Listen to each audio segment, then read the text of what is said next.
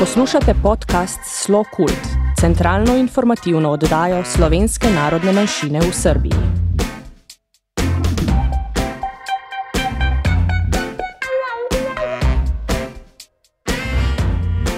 Dobar dan, dragi slušalci. Ovo je četvrta emisija našeg i vašeg Slo Kult podcasta. Slo Kult podcast je zamišljen kao centralna informativna emisija namenjena članovima slovenačke zajednice u Srbiji – Slovencima po svetu i u Matici, kao i svim zainteresovanim za slovenačku kulturu i savremeno stvaralaštvo slovenačke zajednice u Srbiji. U emisijama ćemo se baviti aktuelnim temama u Srbiji i Sloveniji vezanim za kulturu, najavom događaja, kao i razgovorima sa relevantnim osobama o aktuelnim temama vezanim za Slovence u Srbiji, Matici i svetu. Prvi deo današnje emisije posvećujemo kao i do sada aktuelnim informacijama koje su vezane za putovanja i procedurama koje važe pri prelasku granica. U drugom delu emisije čućete novosti iz sfere kulture vezane za slovenačku zajednicu, dok ćemo u trećem delu emisije imati prilike da čujemo intervju sa gospođom Irenom Herak, savjetnicom za kulturu i medije u ambasadi Republike Slovenije u Beogradu, koja će nam se istovremeno predstaviti i kao umetnica, fotograf, koja se pre dve godine svojim delima uspešno predstavila i srpskoj javnosti. Važne aktuelne informacije Evropska komisija je objavila preporuku o uklanjanju ograničenja na spoljašnjoj granici za ulazak u Evropsku uniju, kao i spisak epidemiološki bezbednih država, a to su Alžir, Australija, Kanada, Gruzija, Japan, Crna Gora, Maroko, Novi Zeland, Ruanda, Srbija, Tajland, Tunis, Urugvaj i Južna Koreja. Slovenija je obavestila Evropsku komisiju da se uprkos preporukama komisije uslovi za ulazak u Republiku Sloveniju ne menjaju i ostaju isti kao do sada. Srbija ostaje na crvenom spisku epidemiološki rizičnih država, zato sve koji putuju iz Srbije u Sloveniju čeka karantin u trajanju od 14 dana. Uslovi za ulazak u Sloveniju isti su za sve koji dolaze iz Srbije, nevezano za državljanstvo. Testiranje za ulazak u Sloveniju potrebno je za one koji pripadaju određenim kategorijama pomenutih izuzetaka i moraju biti obavljena u državama članicama Evropske unije ili državama potpisnicama Šengenskog sporazuma. Kako je situacija u globalnom smislu još uvek nepredvidiva i menja se, preporučujemo vam da u slučaju planiranja putovanja proverite aktuelno stanje na sajtu Republike Slovenije u Srbiji. Za odgovore se zahvaljujemo gospodinu Primožu Križaju, konzulu u ambasadi Republike Slovenije u Beogradu. Kultura Pozivamo vas da posetite izložbu Refleksije našeg vremena, akvizicije Muzeja savremene umetnosti od 1993. do 2019. koja je otvorena 27. juna ove godine u Muzeju savremene umetnosti u Beogradu. Izložba je posebno zanimljiva jer je uvršćeno delo članice društva Sava, akademske slikarke Marije Vaude, crno-bela fotografija, C-print ženskih leđa, figura u jednom uspravljenom stavu. 28. juna 2020. godine, rano ujutru, su sa prostora države Francuske Gvajane lansirana dva slovenačka satelita, Nemo HD i Trisat. Kompanija Ariana Space je pri petom lansiranju satelita u ovoj godini, a prvi put raketom Vega poslala 53 manja satelita u svemir, među kojima su se našla i pomenuta dva slovenačka satelita. Ovaj događaj svedoči o važnom dostignuću postignutom na polju svemirske tehnologije i otvara nove mogućnosti na planu međunarodne saradnje.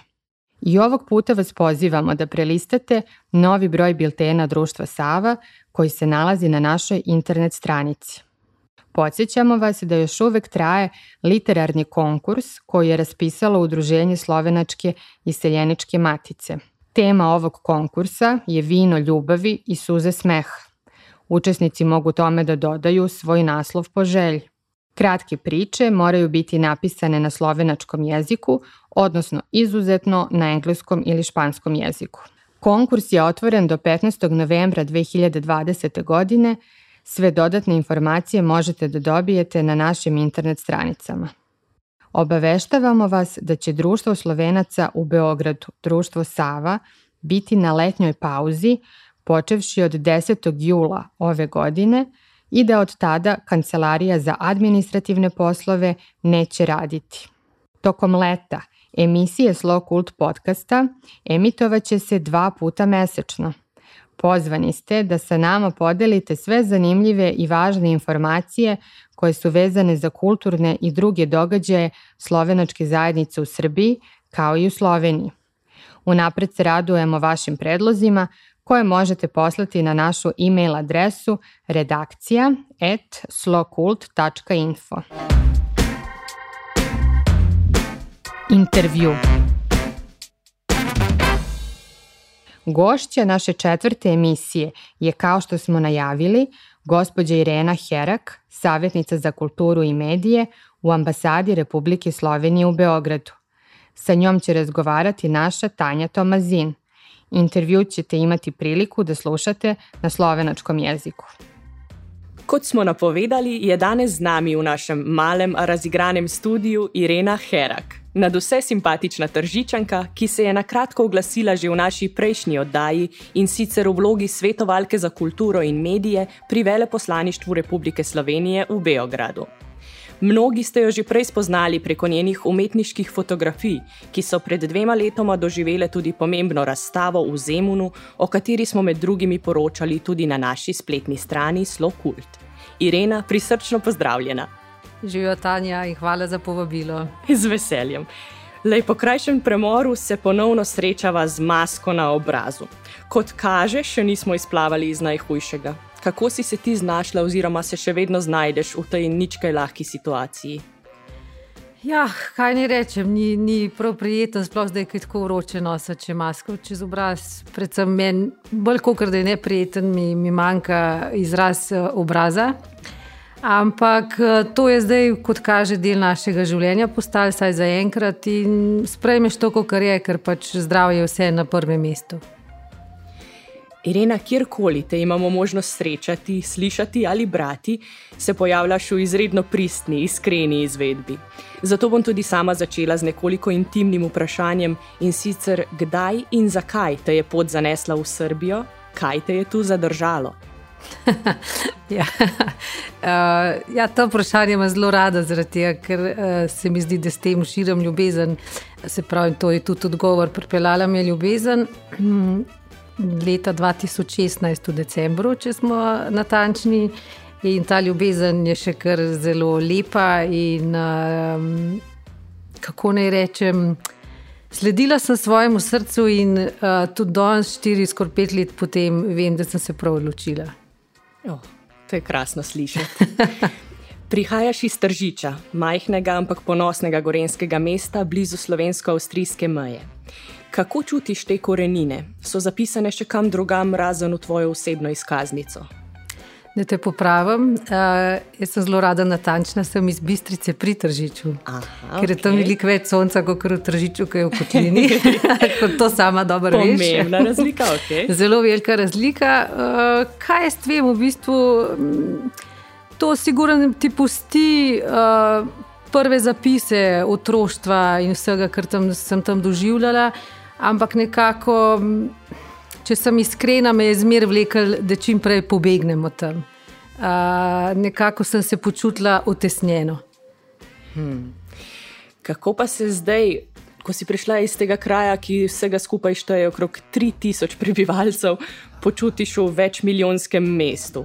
A si morda ob prihodu ali pa morda še vedno doživljaš določene kulturne pretrese? Pa v bistvu sem zelo, zelo čisto normalno, sproščeno sprejela ta, ta, ta preskok, ki v bistvu ni bil tako gromozanski, ker sem vse 18 let vmes živela tudi v Ljubljani, ki je malo večja od Bistrice pri Tržiču. tako da, kaj jaz vem, meni je super. Moram sicer povedati, da veliko bolj uživam v Zemunu, kot v centru Beograda, ker mi je tukaj vseeno ali prevelika gužva.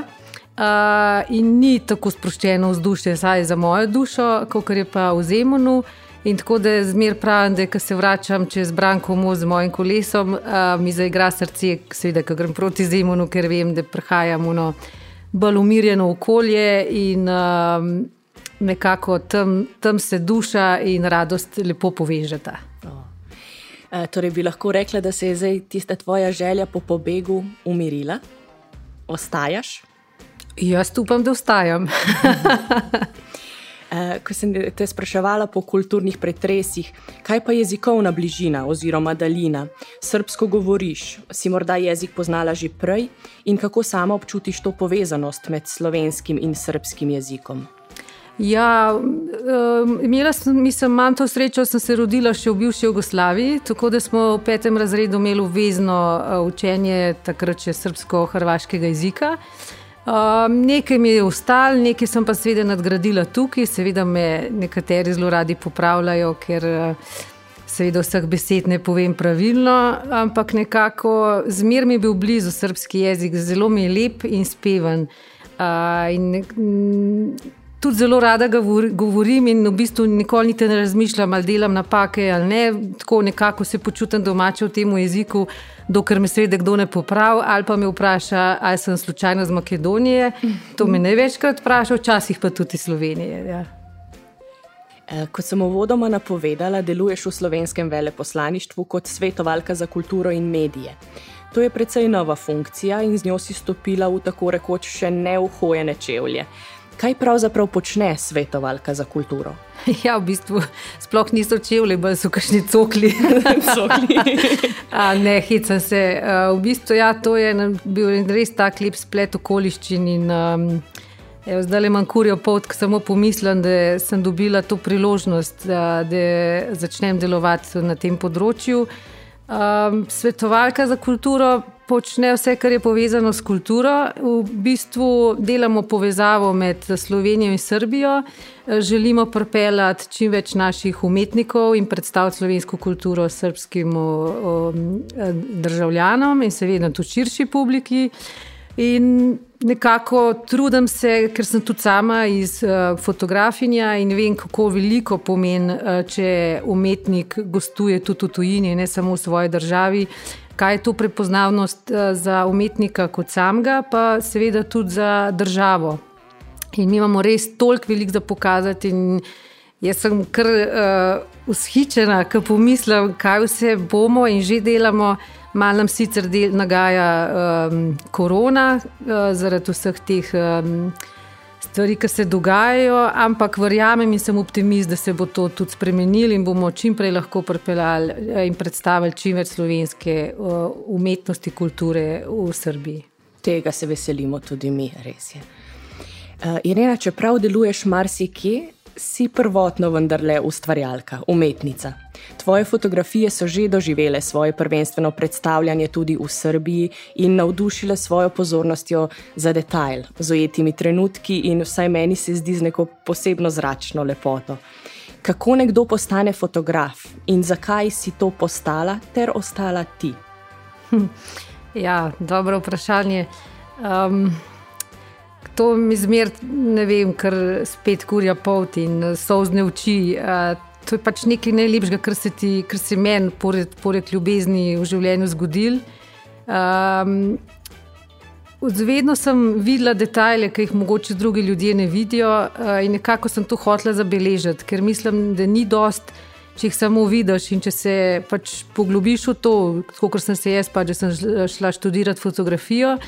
Uh, sem začela beležiti vse to, kar ljudem ni vidno, ker sploh v tem času, zdaj, ko so uh, telefoni, mislim, vi sam, če greste po cesti.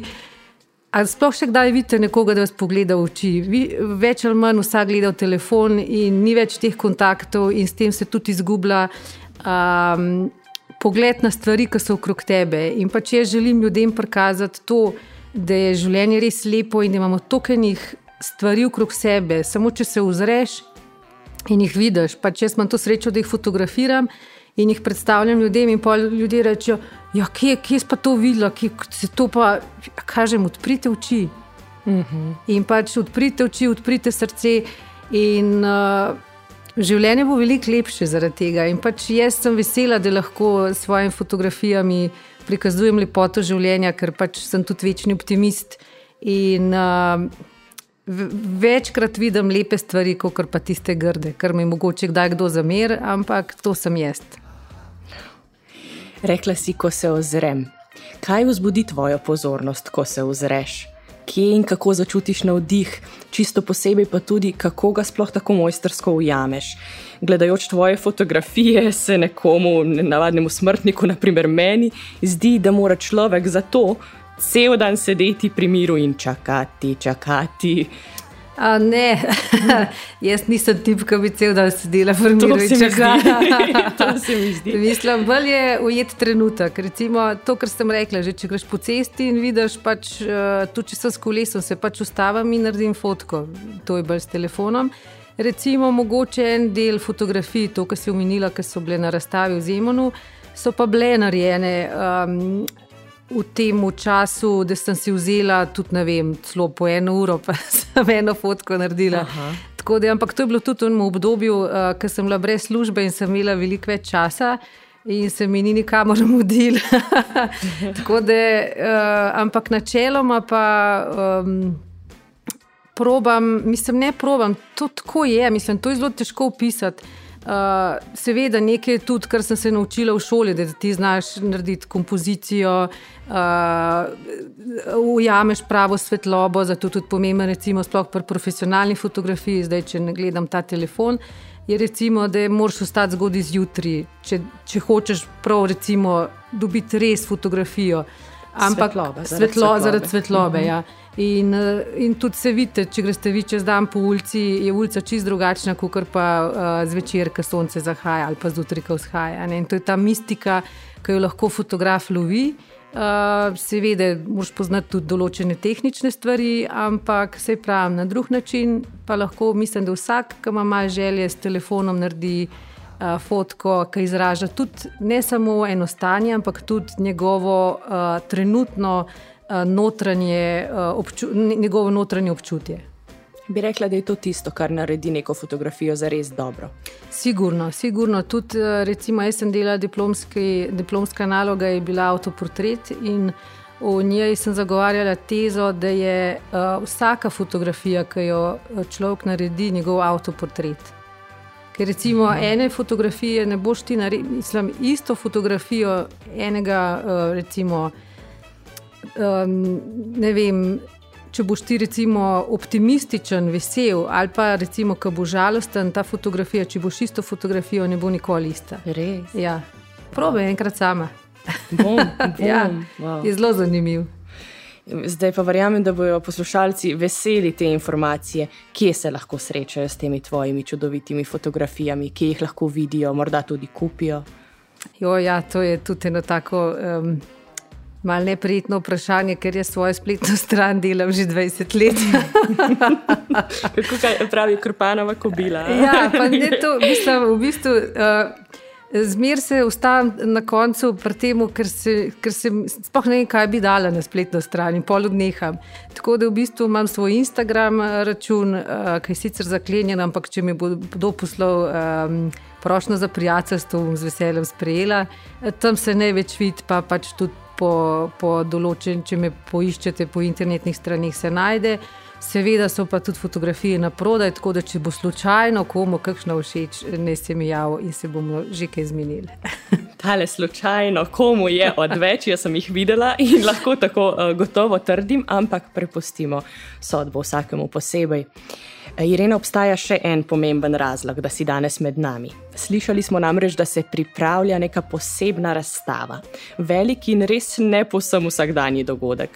V barvah tvojih fotografij bodo namreč zaigrale zgradbe. Kaj se pripravlja, kdaj, kje? A, ja, um, ne bodo moje fotografije, ampak bodo fotografije slovenskih avtorjev. Boš ti med njimi? A, ne. ne, uh, ne, to je v bistvu uh, idejo, sem dobila, ker je to v bistvu društvo fotografov, uh, ki delujejo v Sloveniji, ki so se v času um, pandemije uh, organizirali, da so naredili fotografsko razstavo tako da so naredili projekcijo njihovih fotografij na sosedno stavbo. In vsi ljudje, ki so hodili po ulici, so si lahko te fotografije ogledali, ne da bi šli v galerijo, ker so bile takrat zaprte. In jaz sem prišla s to idejo, da bi to, da bi to razstavo pripeljala v, v Srbijo.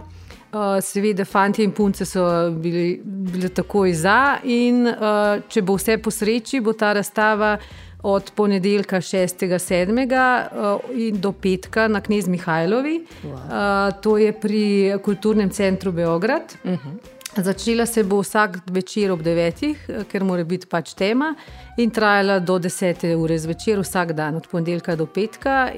Predstavljali bodo, so pa to uh, zelo znani slovenski fotografi, tudi na svetovnem merilu, tako da bodo fotografije res super.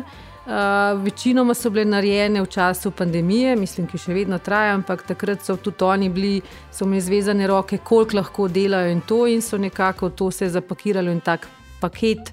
In meni se zdi to super, glede vseh teh. Um, kako, se, kako naj se izrazim, uh, omejitev, ki jih imamo zdaj v zadnjem času, da pač to lahko naredimo na odprtem, s tem, da se ljudje ne rabijo zbirati v zaprtem prostoru in jim uh, ponudimo uh, delček slovenske umetnosti, slovenske fotografije. Bravo, krasna ideja, se resnično veselimo gledati. Tudi jaz.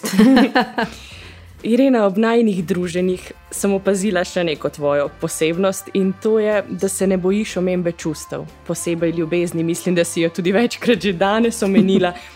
To je sicer redko, posebej v današnjih časih. Kaj za te pomeni imeti rad in ali je to še mogoče najti v našem svetu? Ah, seveda je. Se to ti tudi dobro sama veš. A, mislim, kaj jaz vem?